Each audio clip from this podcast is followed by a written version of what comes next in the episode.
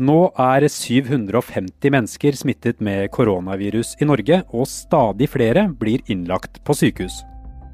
Hos Helse Sør-Øst er 22 personer innlagt, og fire av dem får pustehjelp i respirator. Dette er korona kort forklart fra Aftenposten.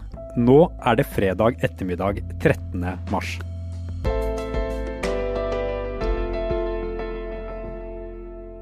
Avinor stenger ni norske flyplasser for kommersiell trafikk. Det gjelder bl.a.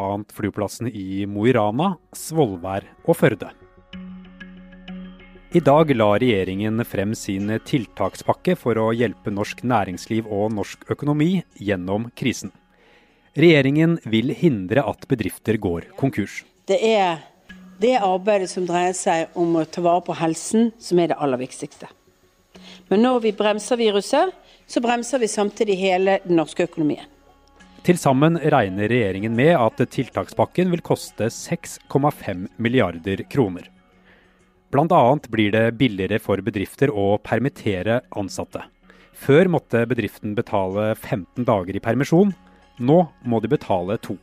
Resten av regningen dekker staten. Alle flyavgifter fjernes midlertidig, og selvstendig næringsdrivende får utsatt betalingen av forskuddsskatt. Regjeringen varslet også at pensjonert helsepersonell som kan bli beordret til å jobbe, ikke vil tape pensjonspenger selv om de får lønn. Så Våre tiltak nå er derfor det første bidraget til å unngå at vi får konkurser og oppsigelser, slik at eh, vi har en jobb å gå til i den andre enden av denne krisen. Sjefen i Norges Bank, Øystein Olsen, kom også med tiltak i dag for å hjelpe en presset norsk økonomi. Og han startet med å tegne et dystert bilde. Norge er sterkt preget av utbruddet av koronaviruset. Så sa han at Norges Bank setter ned renten.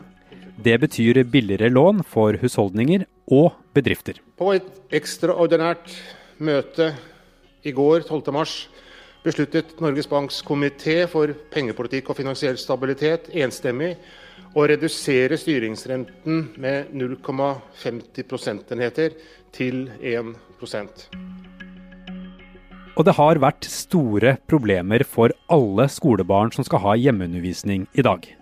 Flere digitale løsninger har vært overbelastet, og læringsappen Showbie har vært nede i hele Europa. Sigurd Bjørnestad, økonomijournalist i Aftenposten. Hvor mye vil disse tiltakene hjelpe i den situasjonen vi er i nå? Ja, Det tror jeg det er ingen som kan gi et helt sikkert svar på. Usikkerheten er større enn noen gang i, når vi står framfor en økonomisk eh, nedtur. Men man må uansett gjøre det man kan. Og eh, det er jo all grunn til å tro at en viss virkning har disse tiltakene.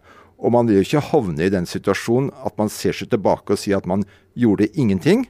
Eh, Norges Bank og Finansdepartementet må si at de gjorde det de kunne.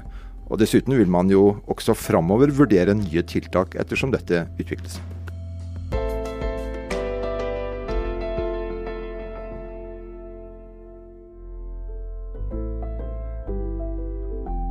Det her var korona kort forklart. Jeg heter Andreas Bakke Foss og husk å vaske hendene.